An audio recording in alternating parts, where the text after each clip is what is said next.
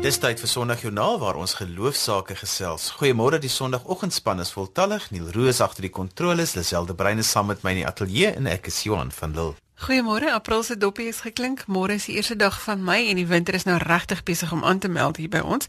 En ons gesels is gewoonlik met mense oor hulle geloof en dinge wat in hulle in die omgewing van die kerk gebeur. Ons gesels vanoggend met Estel Brink van Jerigo Mure oor gebed en dan gesels ons met 'n paar mense wat by die It's Time byeenkoms in Bloemfontein was oor hulle ervaring. Monique Strydom, François Griebenhou en Hendrik Strydom kom deel met ons hulle stories. Ons gaan afsluit met nuus oor die Andrew Murray Prysfonds en Dr Fritz Kaam is daar aan die woord. Jy hoef niks mis te loop nie want jy kan Sondagjoernaal se potgooi gaan aflaai op RSG se webwerf by rsg.co.za. Jy kan ook al die programinligting daar kry sowel as op ons sosiale media bladsy. Onthou dat jy ons kan SMS by 45770 as jy wil saamgesels en deel sommer met ons jou ervaring van die gebedsbijeenkoms verlede Saterdag as jy daar was.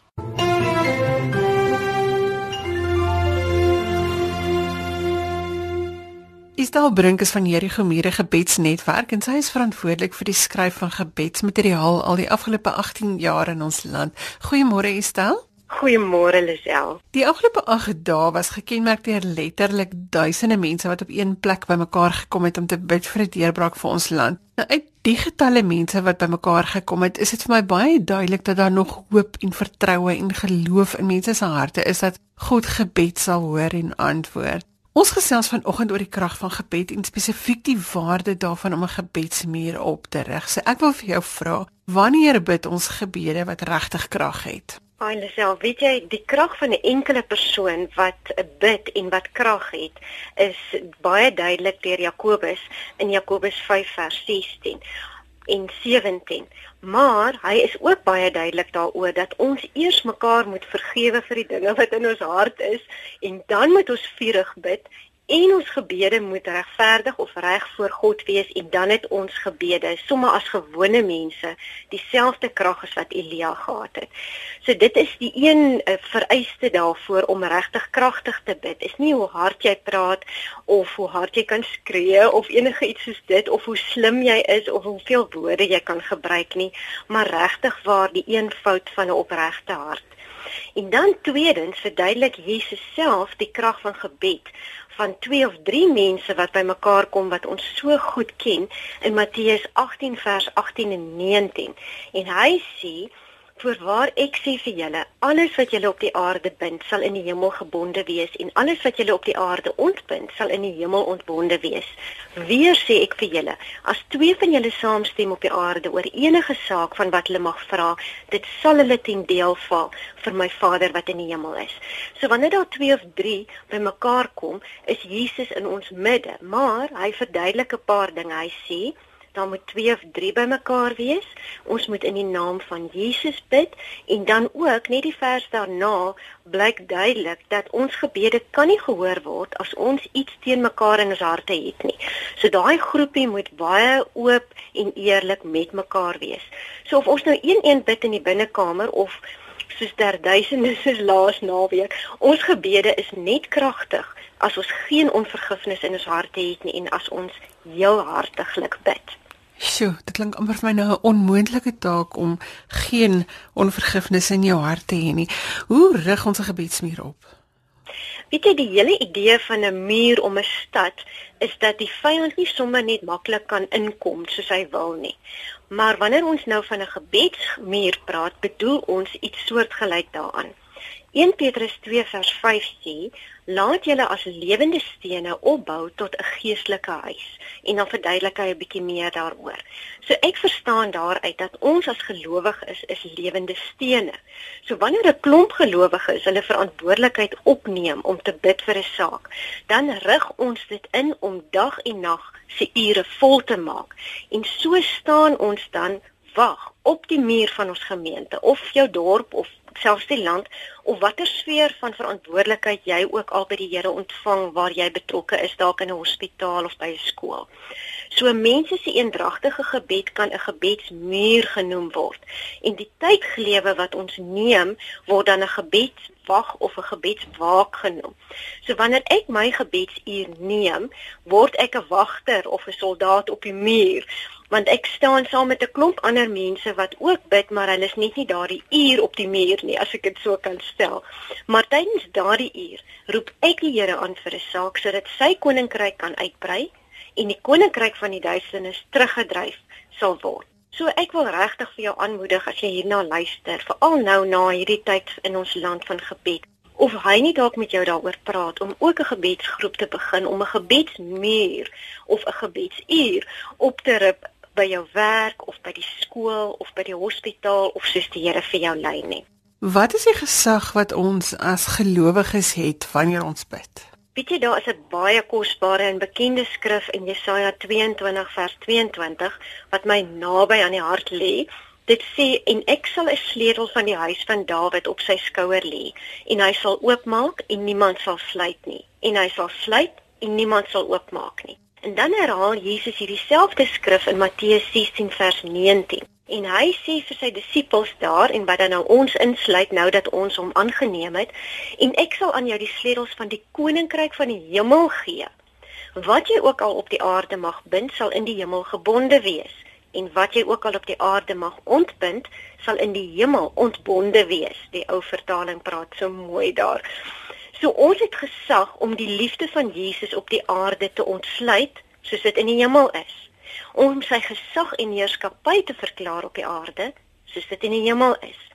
Om die redding van die nasie aan te kondig of te verklaar of om reg en geregtigheid te proklameer en dit doen ons deur die een na die ander skrifgedeelte hardop uit te lees en dan ook 'n versie vir versie deur te bid ehm um, jy weet spontaan soos wat die Heilige Gees vir ons lei. Daar's 'n baie kragtige uitwerking wanneer ons dit doen. Want Jesaja 55 vers 11 sê dat God se woorde sal nooit ledig terugkeer nie. Dit sal volbring waarvoor dit uitgaan. Nou ek is nog besig om hierdie geheimenis te ontdek en te verstaan, maar daar gebeur iets in die geestelike atmosfeer wanneer ons hardop praat of proklameer of bid. 'n Frekwensie van lewe word in die geestelike atmosfeer vrygestel wat lewe voortbring en wat letterlik die duisternis op die vlug laat staan. So daarom as ons hardop bid of hardop lees of hardop sing, is daar groot waarde daarvan. En ek dink dis een van die redes hoekom ons so onvrymoedig voel om juis hardop te bid Dit beteken daarom nou nie dat as 'n sag bid is dit geen krag het nie, maar daar is baie waarde daarin. Hierdie geestelike ding wat gebeur wanneer daar klanke uit ons mond uitgaan in die natuurlike atmosfeer in die geestelike atmosfeer in. Ek stel ek dink die vraag op almal se lippe is wat gebeur nou na afloop van hierdie groot gebedsgeleentheid wat ons nou laas naweek gehad het? Ja, ek is so bly jy vra dit want baie ouens sê wat help dit nou? Daar's 'n groot gebedsbyeenkoms en daar's nie ander gebed nie, maar ek is so opgewonde want ek weet hoeveel klein getroue gebedsgroepe is bemoedig deur hierdie groot byeenkoms en ek weet daar is letterlik honderde wat tot stand gekom het. So ek wil ook vir julle vertel vandag dat ons het voor ons nog geweet het van hierdie dag van gebed laasweek verskeie gebedsnetwerke reg oor die land, land saam vergader en besluit om 'n 50 dae van Bless the Nation of Seën ons land uit te roep van 16 April tot 4 Junie vanjaar. Nou daardie tyd van gebed het nou reeds begin en daar's letterlik al duisende mense soos ons nou hier praat ver oggend wat reeds daaraan deelneem. En ek wil jou nou uitnooi om daarbey in te skakel en ook soos die Here vir jou lei miskien te oorweeg om 'n gebedsgroep te begin om nie net vir hierdie week of vir hierdie 50 dae nie, maar voortdurend 'n gebedsmuur op te rig in ons land wat nou vas kan staan en kan groei. So as jy graag wil deelneem aan hierdie 50 dae van gebed wat op 4 Junie tot 'n einde kom, kan jy 'n boodskap met jou naam en nommer of jou businesskaart vir ons stuur na 'n nommer want ons het 'n gebedskamer op WhatsApp waaraan jy kan deelneem. Dan ontvang jy 'n gebedspunt per dag wat vir jou lei oor 'n spesifieke area van ons samelewing om voor te bid en te seën. So jy kan gerus jou naam en nommer of jou businesskaart stuur na 081 716 1203. Dit is 081 716 1203 en so gaan jy deel wees van iets wat nou alreeds deur duisende mense in ons land ondersteun word en wat 'n gebedsmuur alreeds om ons land vorm. Ek gaan gou weer daai nommer herhaal as jy nou geskarrel het om 'n pen te kry. Die nommer waarna jy toe kan WhatsApp as jy deel wil word van die gebedsnetwerk en 'n gebedspunt wil ontvang elke dag is 081 716 1203 081 716 1203 en hulle sal by die regumure sorg dat jy uh, daardie inligting kry per WhatsApp elke dag. Jy stel baie dankie dat jy vanoggend met ons saamgesels het dat jy vir ons gehelp het om te fokus op gebed en dat ons hiervan deel kan wees. Baie dankie Lisel en 'n mooi week vir julle. Ons het gesels met Estel Brink van Jericho Mure. Die webwerf vir Jericho Mure is Jericho, die Engelse weergawe daarvan by jwipn.com. Dit is jwipn.com. As jy sopas ingeskakel het, sê ons goeiemôre. Jy luister na Sondagjoernaal saam met Lisel en Johan. Gemaak gerus 'n draai op RSG se webblad by rsg.co.za vir die kontakinligting oor ons gaste vandag. Die inligting is ook op ons Facebook bladsy gelaai waar ons ook nou en dan fotos en ander interessanthede ook wys.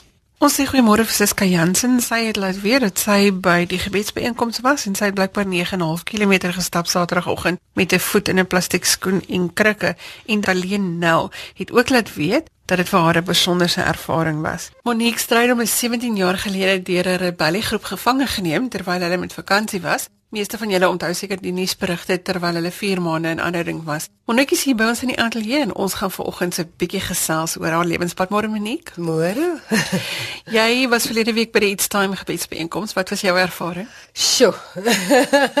Dis eintlik wat mens kan sê sjoe en wow en as my kindie was het hy gesê away. Dit was regtig dit hoor. Ek het regtig gegaan met geen verwagting nie. Ek het eintlik ehm um, opgesien na die busryery en die sit in die stof in die son en die mense. Ek doen nie goed met baie mense nie, maar die Here het dit regtig net op my hart gelê dat ek moes gaan. Daar was regtig vir my boodskap daar en ehm um, dit was net ongelooflik. Oom Angus het niks anders gesê as wat ons moet weet nie. So daar was geen doktrines gepraat of niks nie. Dit was net reguit op die man af en ek ek dink een van die ding waar dinge waarvoor ek van die meeste respek het is waar hy gepraat het oor die die plaasaanvalle en die boere wat doodgaan maar in dieselfde asem gesê het ons vergeet van die vrouens en die kinders in die townships waar baie meer doodgaan en en ek ek dink daai sin was vir my het dit goed in balans gesit dit het regtig nie gegaan het oor hom of oor mense nie maar dit het regtig gegaan het omdat dit God driven was die woorde wat hy gepraat het uh, die goed wat gebeur het die ervarings ek sit hier en ek kry sommer al klaar hoendervleis um, ons het ook die winde ervaar en die die warrelwinde sien afkom um, maar dit was die sigbare tekens maar regtig God het vir my ook heling gebring. Toe ons daar uitloop het, toe so die Israeliete daar uitgeloop en dit was so stil en ons het net almal so was so stom geslaan dink ek en oorweldig. Het, niemand het eintlik eers gepraat en ons het hierdie duisende mense wat so geloop het in hierdie stof net hierdie absolute goddelikheid ervaar het. En wat daar was met 'n gesamentlike doel en dit is om te bid. Absoluut, absoluut. Ek dink elke enkele persoon wat daar gesit het, het daar gesit omdat hulle daai behoefte gevoel het om te gaan. Ehm um, as jy regtig kyk hoe ver die mense gekom het, mense wat van oorsee af gekom het. Ehm um, dit ek dink elkeen was geroep. Dis absoluut waar wat jy sê, was geroep om omdat ons voel op so 'n manier kan ons 'n verskil maak. Miskien moet ons net gou verduidelik van die warrelwinde. Ek dink nie almal weet daarvan dat daar baie daal gebed is, die winde so tussen die mense deurgewaai het nie. Ja, um, oom ek het uiteindelik vertel van Israel waar die die Heilige Gees in in die wind opgekom het En ehm um, ons was heel voor en ons het gehoor begin mense agter skreeu en juig en ons het nie geweet wat aangaan nie. En toe sien ons ewe skielik hier begin mense se hoedens in die lug invlieg en ballonne vlieg. En dit was glad nie waar ons was nie, maar die volgende oomblik toe kom as 'n warrelwinde. Dit is soos klein sulke mini tornado's wat so langs die verhoog opkom en gaan. En jy jy sien hier sit ek en ek het hoendervleis letterlik. Ehm um, en en dit was net in daai oomblik. Daarna was dit niks en voor dit was 'n tube stil. Die teenwoordigheid van die Heilige Gees.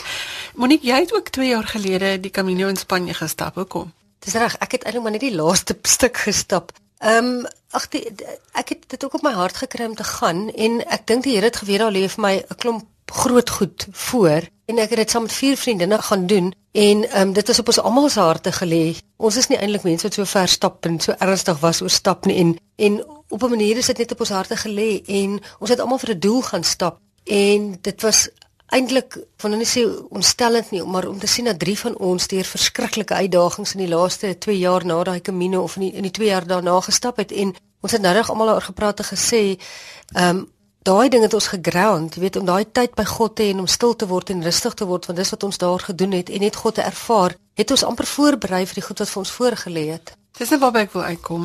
Jy het deur die ding gegaan waar jy ontvoer was, waar jy vir 4 maande lank nie geweet het wat met julle gaan gebeur nie, waar jy van plek tot plek rondgestuur was en toe het daar bevryding gekom. En toe het jy nou ehm um, die Camino gaan stap, ehm um, bietjie tyd daar spandeer, tree gegee elkeen van hierdie gebeurtenisse het 'n spesifieke invloed op jou geloofspad gehad. Ja, weet jy, um, ek dink dit gaan alles dit gaan oor vryheid en bevryding. Ehm um, want die 4 maande wat ons in die oerwoud was, was was 'n absolute geestelike ervaring, so sleg soos dit fisies was. So incredible was dit geestelik en en ehm um, weet ek dink mense sit baie keer vas in 'n plek en jy beweeg nie vorentoe nie. En oom Angus het ook daar gepraat oor die goed waarmee ons ons besig hou. En dan gebeur so iets wat jou lewe regtig radikaal verander en uh, dit moet ook so iets wees wat jou vry maak en jou met ander oë laat kyk ehm um, en en jou dwing om aksie te neem want beide van hierdie goed uiteindelik my lewe onherroepelik verander dat ek heeltemal ander rigtings ingeslaan het as wat ek vir myself beplan het. Ek dink dit het my regtig op die pad gesit wat God my wou gehad het. Ek dink ek was baie blind baie kere nie. God se stem gehoor en gesien waarna hy wil hê ek moet gaan nie. En dit was maar almal dit was alles goed wat 'n mens in 'n rigting ingedruk het sodat jy op jou regte pad en by jou calling kan uitkom en om jou los te maak van die wêreld eintlik. Jy weet en baie keer dink 'n ou ek is nou op 'n goddelike pad. Jy weet en ek dink omdat ek nou hierdie ding reg doen dit is wat God vir my wil hê. En eintlik is dit glad nie. Weet God wil nie mense wat ongelukkig wees en seer wees en uh, hy wil vreugde en joy vir ons hê nou wil hy ons met vir sy koninkryk werk en baie keer vat dit iets erg om jou daar te stoot maar ek dink ook God berei jou voor. Jy weet hy hy hy hy maak jou sterk. Ons sê jy gaan nie bo jou kragte beproef word nie. So hy maak jou definitief sterk en natuurlik dan dra jy ook daardeur daai pad nê en vir my was byvoorbeeld die Camino was daai hele ervaring dat dat God regtig daar saam met my is en ek het nodig gehad om dit te ervaar en daai baie noue afhanklikheid en verbintenis met God om die pad te kon loop wat ek daarna geloop het. En eh, partykeer het mense dit nodig dat jou dat jou jou gedagtes deur iets gefokus word. Al is dit nou iets soos iemand ontvoer jou. Dit hmm. dit sit jou kop onmiddellik heeltemal in 'n ander spasie. Al is dit iets soos radikaal jy gaan stap die Camino of dit nou 200 hmm. of die volle 800 km is, jou kop is in 'n ander spasie. So ons boodskap vir oggend is in jou lewe om net so nou en dan jou kop in ander spasie te sit sodat jy kan uitkom by dit waarvoor jy geroep is. Ja, ek dink ons land in 'n gemaksone baie keer in ons lewens. Ehm um, want goed gaan baie keer baie keer net goed en dis wat ek sê ons dink miskien ons is op die regte plek en dis waar God ons wil hê en so iets haal jou absoluut daar uit. Ehm um, ek het 'n wonderlike boek Philip Yancey se boek Where is God when it hurts en ek het dit jare terug gelees en daar praat hulle met 'n non en hulle praat toevallig oor uitdagings en sy sê I embrace challenges want hoekom? Dit leer jou 'n paar goed. Dit leer jou hoe klein jy is en hoe groot God is. En ek dink in sulke situasies begin 'n ou dit ervaar. So Saterdag het ek absoluut nes hoekom ek net ondervleis kry as ek van Saterdag praat het ek ervaar hoe groot God is. Dit leer jou dat mens beklei oor simpel goed sê sy. Jy weet ons mors ons tyd op simpel goeders goed wat onbelangrik is. Dit leer jou dat jy nie alleen kan staan nie nê jy, jy jy moet by God wees en God moet by jou as jy met God se hand vashou En dit leer jou ook om uit te reik na ander mense, want ultimately gaan dit nie oor my nie. Ek dink ons leef in 'n wêreld waar dit so ek gesentreer is. Dit gaan oor ander mense en dit gaan om ander mense by God uit te bring en by God se koninkryk uit te bring want dit gaan eintlik oor oor die nalewe, eternity, ewigheid, sodat daai mense ook God se liefde en ewigheid kan ervaar en ek ek ek dink as mens jouself kan dwing om uit die boks uit te dink en jou comfort zones begin vergroot. En as jy nie weet nie hoe gaan sommer net eendag op 'n projek uit saam met een van die uitreike en gaan doen net dit. En en dat jy met ander oë begin begin kyk na die wêreld. Monie baie dankie dat ons ver oggend 'n bietjie by jou kon hoor hoe jy Saterdag ervaar het. Mense het ons gevra verlede week hoekom het ons nog niks daaroor gesê nie. Dis omdat ons hierdie week almal se stories wou hoor. So baie dankie dat jy jou storie met ons gedeel het en ons gaan later 'n bietjie gesels in die uh, tweede helfte van die jaar oor hoe dit is om seer te oorkom. Baie dankie vir die saamgesels. Baie dankie. Dankie Monique. Ons gesels geloofsaake tot kort voor 8uur wanneer ons oorgie aan Jermaine M Hansen vir die Bybelstorie. Maar eers gesels ons met Hendrik Strydom oor sy ervaring by the It's Time event. Ons het gehoor van die 5000 mense wat vrywilliglik gehelp het om die It's Time byeenkoms bymekaar te trek en Hendrik Strydom is een van hierdie manne. Goeiemôre Hendrik. Goeiemôre Lisel, hoe gaan dit? Dit gaan met my baie goed, dankie. Jy boer net buite Petersburg, 'n man wat lekker naby aan die natuur leef met jou eie kwekery. Hoe het jy betrokke geraak by die geleentheid? Weet jy Lisel, um, een van die ouers wat uh, saam met my seun um, se kinders in die koshuis is, hy het vir my eendag 'n WhatsApp boodskap gestuur en gevra of ek nie um, wil betrokke raak om te help uh, by It's Time nie dit het maar 'n rukkie gevat vir my om te antwoord want ek is nie altyd so so vinnig op op al die boodskappe nie want hy is maar besig en jy kry nie altyd die goed deur die dag nie. Eendag kyk ek weer na die boodskap en toe dan net iets my wil ek sê wakker geword om om betrokke te raak en ek het vir Herman nou laat weet dat ek sal betrokke raak en dis maar alles begin het. En hoeveel vergaderings moes jy bywoon? Julle self was ek was nou aan die gelukkige kant dat ek nou nie so baie vergaderings hoef by te gewoon het nie. Ehm um, ek het twee vergaderings. Ons het die Woensdag en die Donderdag voor iets time ehm um, by einkoms het ons het ons begin met die vergaderings en en Vrydag toe nou weer. Maar weet jy wat ek vir jou moet sê, die Donderdagmiddag se vergadering en Vrydagmiddag se vergadering het by die punt gehou saam met al die marshals. Ek het by blok A1 gewerk, uh so parkerings en weet jy dit was vir ons nogal moeilik om vergadering te hou want want die mense het elke 2 minute is ons onderbreek van iemand wat net kom kyk het waar moet hy parkeer die Saterdag. Dit was eintlik 'n ongelooflike gevoel om om die opgewondenheid onder die mense te sien al van so vroeg af. Julle het van vroeg af parkerings aangewys. Julle het tussen 1uur die oggend daar opgedaag om te sorg dat julle reg is vir die klomp mense wat gaan aankom. Wat was jou algemene indrukke van die byeenkoms? Weet jy, Lisel, ja, hulle het nie 3uur die oggend daar aangekom nie. Hulle het al van die vorige aantal daar begin aankom ons het redelik vroeg, jy weet Petersburg is ook nou maar 'n uur se ry van Bloemfontein af. Ons het redelik vroeg by die huis weg sodat ek betyds daar kon wees sodat ons van 4 uur af hoe dit vir ons stel was om te wees die karre te kon begin inbring. Toe ons daar aankom so by net na 1, toe staan daar al twee rye karre. Dadelik het ek my mense begin gereeld te kry. Ek het so 15 helpers gehad wat wat by blok A1 uh, ehm, gewerk het. Ek het dadelik die ouens begin in 'n lyn kry en ons begin om die karre te parkeer. En jy sal dit nou nie glo nie, maar van daai tyd af het die ouens begin instroom. Die eerste ouens het al 3:00 die oggend daar deur die veld gestrompel en gestruikel op pad venue toe. Dit was iets wat wat net vir my die dringendheid van die mense se harte bewys het. En het julle die geleentheid gehad om na die boodskap te luister of het julle moes julle die karre oppas hoe dit gewerk? Ons het net die amens gehoor. Waar ons was, ons het die laaste karre so rondom 1 uur geparkeer. Dit was so ongelooflike voorreg uh, dat 'n ou kon diensbaar wees en deel wees van die ding. Wat het dit vir jou geloofspad beteken? Dit is eintlik moeilik om dit te beskryf, maar uh op op 'n stadium dan besef 'n ou net dat die liewe Vader so groot is dat hy na ons toe kyk, dat hy na ons afkyk, want as jy kyk na na die omvang van die geleentheid wat gereël is, in in in die kort tyd wat dit gereël is, hoe seepglad alles geloop het, hoe hoe dit net hoe hierdie goed net gebeur het, dan sê ek vir jou mense kan nie anders as om as om te besef dat dat 'n hoër hand hier betrokke was. En en dit gee vir ou soveel hoop, soveel versterking in jou eie geloof dat en jy weet wat vir my eintlik so besonder was, is die jong mense eh, wat deel was van die ding. En baie ouens het, het die hele dag sonder om te kla, sonder om 'n woord te sê, het hulle die karre geparkeer, kar na kar. Dis ongelooflik as ou hierdie jong mense se harte sien en dat hulle bereid was om die hele dag in die son en in die wind en in die koue in die oggend te kon gestaan het sonder om 'n woord te sê en elke mens wat aangekom het, het hulle vriendelik gegroet en en en 'n geselsie met hulle aangeknoop. Dirk baie dankie dat jy vanoggend vir so 'n bietjie van julle hart en julle betrokkeheid met ons gedeel het. Baie dankie Lisel, groete vir julle in die Kaap. Ons het gesels met Hendrik Strydom, 'n boer van Petrusburg, oor sy ervaring by die gebedsgeleentheid verlede Saterdag.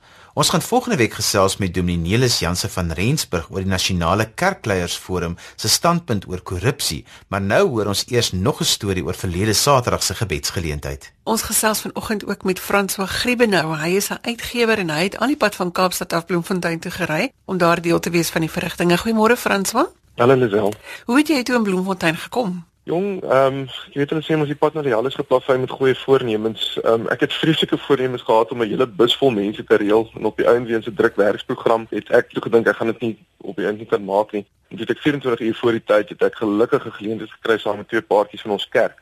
Ehm um, so ons is toe Vrydag aand 6:00 omtrent eers uit die Kaap uit weg en deur die nag gery om Saterdagoggend daar te wees. Hoekom het jy besluit om te gaan? Wel, ek dink die grootste rede was ek wonder of daar al ooit so geleentheid was. Ek weet daar was nie Mighty Men byeenkomste waar ek ook ten spyte van die beste voornemens nooit kon uitkom nie, maar ek het net gevoel ons land is op so 'n kritieke plek dat dit nodig is dat ons as gelowiges byeenkom en regtig net op 'n sigbare manier in die eerste plek vir die Here wys dat ons ernstig is daaroor om ons ons uh, verantwoordelikheid uh, voor hom uit te leef, maar ook om vir die res van die land te wys dat ons glo daar is hoop, daar is 'n toekoms vir ons land. En ek dink dit is seker die grootste rede hoekom ek so graag wou gaan en toe eintlik gelukkig was om dit wel te maak. Franso, wat is jou ervaring van die geleentheid? Sjoe, ehm um, weet jy dis nog uh, een van my Facebook vriende het geskryf, hulle gaan 'n paar weke nodig hê om die om die volle impak daarvan te verwerk en ek ek stem nogal met haar saam. Maar as ek so vinnig moet sê, ek dink in die eerste plek net die oggend toe ons daar aankom en net duisende duisende mense sien wat almal in so wonderlike stemming weet eenvoudig man gesinne groepe mense oud jonk ehm um, wat daar was en en wat en verder net wat 'n so wonderlike stemming daar was en en so in die regte gees daar was. Dit was een van die eerste lekker ervarings van die dag om om daar aan te kom en om dit waar te neem. Amper ek wil amper sê feestelike atmosfeer ten spyte van die feit dat ons daar is om te bid oor swaar omstandighede. Wat vir my sê dat daar 'n bron van vreugde is wat dieper lê as die as die landspolitiek. So dit was lekker fees, dit was lekker om bekendes daar te sien. Nou was dit bietjie moeilik om hulle op te spoor omdat die selfoon torings uh, dink ek omtrent uitgebrand het weens oorlading. Ehm uh, maar dit was baie lekker om om bekendes en familielede daar te sien en en te groet. Uh en toe ek toe ek net klaar gegroet het, uh, sommer my kamera gevat en so 'n bietjie deur die mense gestap en ag net waar ek nou iets snaaks of anders gesien het, 'n uh, paar foto's geneem uh, van mense wat dit was lekker om ook half nie net in die groot skare weet hierdie absoluut honderde duisende mense nie, maar ook om net individueel uh, met mense wat jy nie van Adam se kant af ken nie. Ehm um, net individueel ook uh weet al 'n koneksie met hulle te voel en en uh weet die oomblik en die dag met hulle te deel. Van daar af is ek na die kruiskoppie toe. Daar's 'n koppie met drie kruise gewees so skuins agter die verhoog en uh hele paar honderd meter wat die mense moes stap om daar uit te kom, maar daar was heelwat mense wat dit gedoen het en dit het vir my al gevoel so so 'n pelgrimstog in die kleine en dit was eh, sonder om nou te eriferie te te raak dit was regtig vir my op pad na die kruiskoppie toe kon ek in die mense wat terugkom van die koppie af weet jy uh, kon net sien dat die mense onder die indruk van iets is wat hulle daar ervaar het. En en um, ek het toe ook vir die Here gevra en sê maar asseblief ek sal weet ek sal graag net 'n ontmoeting met hom daar wil hê. En uh, ek is toe op in die kopie toe bo kom met my oog op een persoon geval wat staan en bid het onder die kruis en, en wat redelik emosioneel was en ek het dit op so 'n kennis geneem en ek het toe dit gelos en toe eers teruggestaan 'n paar foto's van die kruis geneem en net toe ek nou na die kruis toe stap om te gaan bid toe kom die persoon teruggestap en ek keer die persoon toe voor en ek sê ek het gesien jy was redelik emosioneel.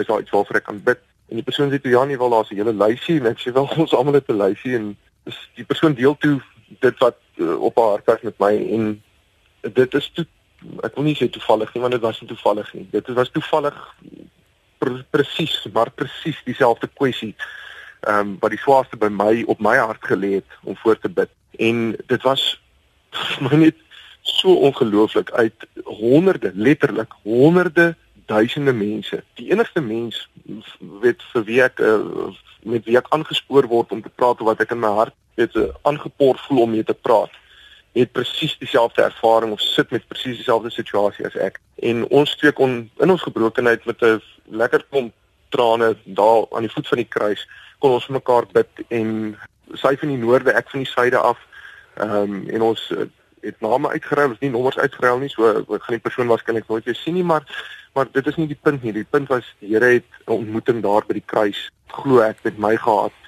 Dit is wat dit vir my so besonder gemaak het. En toe as ek terug na sal ons sê die groot skare toe en en ek was net betyds om te hoor toe ehm um, Angus nou met sy sy boodskap begin van van daar af het die die die korporatiewe ervaring die, die gesamentlike ervaring ehm um, was baie sterk geweest die die feit dat 'n miljoen mense of hoeveel honderd duisend daar dan ook al was weet dat dat hulle op hulle knieë gaan en saam 'n toewydingsgebed voor God bid in die naam van Jesus en en onbeskaamd net kan sê dit is waar ons hoop vir die land lê. Dit is 'n ervaring wat 'n mens nie vir mense in woorde kan beskryf nie en ek dink dis deel van die impak wat daar gebeur het dink ek is deel van wat ons nog vir 'n lang tyd in die land gaan sien en en wat ek glo en hoop en vertrou dat ons die daai momentum wat daar begin is ehm um, gaan voortsit in die streke. Net sou ons nou in die toekoms 'n jaarlikse bijeenkoms op een sentrale plek of ons gedesentraliseer hou sodat meer mense kan bywoon ongeag watter vorm dit in die toekoms aanneem. Maar dit was heerlik om daar te staan en te sê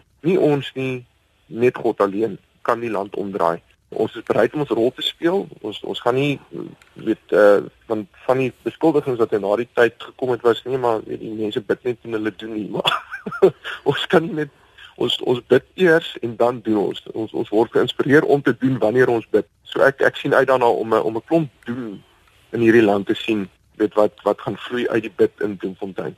Ek dink dis ons leer elke gesig het 'n storie. So elke mens wat by die byeenkoms was en nie net weniglik by die byeenkoms was nie, maar wat by in die straat verbyloop het ook sy eie storie. Vras wat jy het ons al die dinge vertel, dis wonderlik. Wat het dit vir jou geloofspad beteken? Wat gaan vorentoe vir jou in jou geloofshart?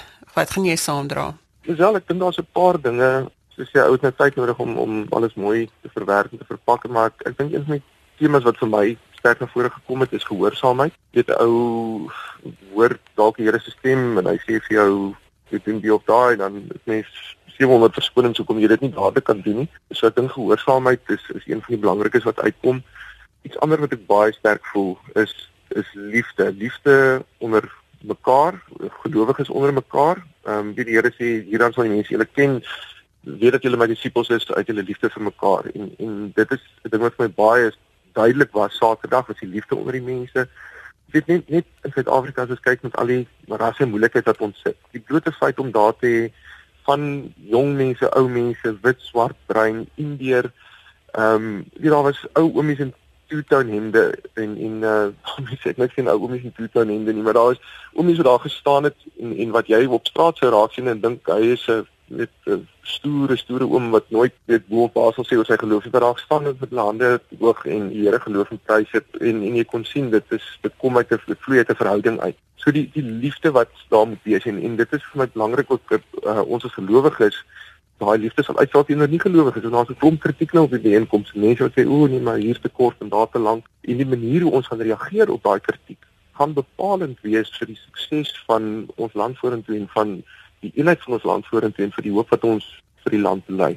Ek dink gehoorsaamheid en liefde vir my, dit sal kan seker net vir elke ou verskil, maar gehoorsaamheid en liefde is vir my die twee temas wat baie sterk uitkom. Dankie Franso, dankie dat jy so 'n stukkie van jou geloofspad met ons gedeel het. Dankie Lisel, dit was heerlik. Ek is seker daar is duisende sulke stories wat vertel kan word. Ons het nou nog een laaste gas voor ons met groet. Dr Fritz Gomez, die voorsitter van die Andrew Murray Prysfonds en hy gesels vanoggend met ons oor die pryse wat gaan uitgedeel word volgende week en ook oor die wenners. Goeiemôre Dr. Gaum. Hallo Lisel. Vertel vir ons die kategorieë van die prys en wie is aangewys as die wenners. Ja, Lisel, dit is uh, die Andrew Murray Prys. Uh dit is die prys wat al sedert 1980 uh elke jaar toegekend word vir Afrikaanse godsdienstige en teologiese publikasies. En vanjaar is die wenner Koenie Burger en Andri Silje vir hulle boek ontvang wat vir julle gegee is hoe die doop ons kan leer om met Christus te leef en dit is deur Bybelkor uitgegee. En dan die Andrew Murray Desmond Tutu prys staan nou 'n bietjie korter as die ander prys, maar dit is bedoel vir uh teologiese en godsdienstige werke in enige amptelike taal in, in ons land. En vanjaar is die wenner uh Jolande Kortjie met haar boek 50 uh, 585 days 500 58 dae en dit is deur Kom uitgegee. Dit is die boek wat handel oor hulle geweldige traumatiese ondervindinge in Jemen. En dan die Desmond Tutu Gerrit Brand prys. Dit is 'n prys wat uh, toegekend word vir uh, debuutwerk in enige amptelike taal van die land. Gerrit Brand was natuurlik die man wat 'n uh, paar jaar gelede oorlede is, 'n jong teoloog van Stellenbosch. Hy was ook iemand wat baie aandag gegee het aan boeke. En die prys word hierdie jaar gewen deur Lauren Jacobs vir haar boek Judith uitgegee deur Lux Verbi. Dit handel oor die apokriewe verhaal van Judith, die vrou wat 'n wonderlike bres geslaan het vir vroueregte baie eeue gelede. Dan is daar ook 'n paar toekenninge hierdie jaar, Lisel. Uh, die Andrew Murray FAK toekenning vir die bevordering van Christelike musiek word uh, gegee vir Annelies Wit. Sy is natuurlik iemand wat baie bekend is vir haar bydrae tot die Christelike musiekskat. Dan is daar 'n spesiale Andrew Murray Desmond Tutu toekenning aan Pieter Fourie, die vorige hoof van Bible Media, uitvoerende hoof van Bible Media, vir sy bydrae tot die Christelike media wat heeltemal 'n groot bydrae was die afgelope tyd, die 10 jaar wat hy die uh, hoof was van Bible Media. Dan is daar twee spesiale Andrew Murray toekennings wat postuum toegekend word na doods. Die een is Johan Smit wat baie bekende skrywer van Christelike geestelike lektuur was en hy het uh so wat 100 of meer boeke geskrywe en vir alle groepe mense soms vir kinders, jong mense, ouer mense, weduwees, oupas en oumas. Hy was 'n baie bekende skrywer van hierdie soort boeke. Hy het ook later tyd heelwat oor die gebed geskryf en uh, 'n uh, spesiale toekenning word aan hom na dood gemaak. Sy vrou Nina wat self 'n bekende skrywer is, sal die prys ontvang of die toekenning ontvang. En dan ook vir Winnie Rust. nou ons weet Winnie Rust is verlede jaar vermoor tragies op uh, Wellington en uh, sy was 'n skrywer van etlike boeke. 'n uh, Romans dan veral Martha was die een boek se naam en Trek die ander een en na haar dood het 'n boek met die naam Katrien verskyn 'n roman. En interessant genoeg Andrew Murray uh, het speel nogal 'n rol in van haar boeke Andrew Murray as jong predikant of jonger predikant toe destyds in Wellington en uh, uh dit is nou interessant om ook die toekenning aan haar te maak in die jaar dat ons nou dink daaraan dat Andrew Murray 100 jaar gelede oorlede is. En in haar boeke speel die Wellington dorp ook 'n bepaalde rol. Murray het natuurlik van het liewe Wellington gepraat en soos Breiten Breinbach ook van Wit Wellington en hulle het aan die Afrikaanse literatuur ook vir Wellington 'n uh, eie plek gegee.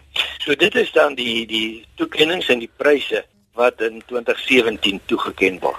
Die pryse gaan nou wel op Wellington toegeken word die 5de Mei, maar die 7de Mei is daar ook 'n funksie in die Moederkerk op Wellington. Dit is reg, ja. ja. Hulle gee juis hierdie jaar heelwat aandag aan die feit dat eh uh, Marie dan 100 jaar gelede oorlede is op Wellington. En uh, hy was 'n baie bekende predikant van Wellington soos ons waarskynlik almal weet en hy het uh, 'n groot bydrae ook gelewer op verskillende terreine opvoedkunde en ook boeke hy het 'n hele klomp boeke geskryf nou die sonderdag is daar 'n diens wat juis gelei sal word deur Koenie Burger wat nou die Andrew Murray prys uh, gewen het saam met uh, Andri Solie vir hulle boek. En dan word daar aandag gegee nou ook na die diens aan uh, die gereelde Andrew Murray Desmond Tutu gesprek en dit sal dan plaasvind tussen Connie Burger en ook uh, Andri Celie en uh, dit handel oor Andrew Murray vandag. Dit word uh, gelei dan ook deur die sentrum vir Christelike spiritualiteit wat al jare lank die geleentheid elke jaar aanbied die Andrew Murray Desmond Tutu gesprek. Dankie dokter Kam, dankie vir daardie inligting en dat jy 'n bietjie van julle geloofspad met ons gedeel het. Baie dankie, Lisel. En daarmee het tyd vir ons geword om te groet. Tot later vandag van my Johan van Dil. Totsiens. Ons wag vir jou terugvoer. Jy kan vir my e-pos met kommentaar of as jy 'n geloostorie met ons wil deel, by Lazel by www.media.co.za. Of jy kan ook vir ons 'n boodskap stuur deur die webwerf. Dit is by rsg.co.za. Tot volgende week groet ek namens produksieregisseur Neil Roo. Maak 'n punt daarvan om vandag iemand se dag makliker te maak. Totsiens.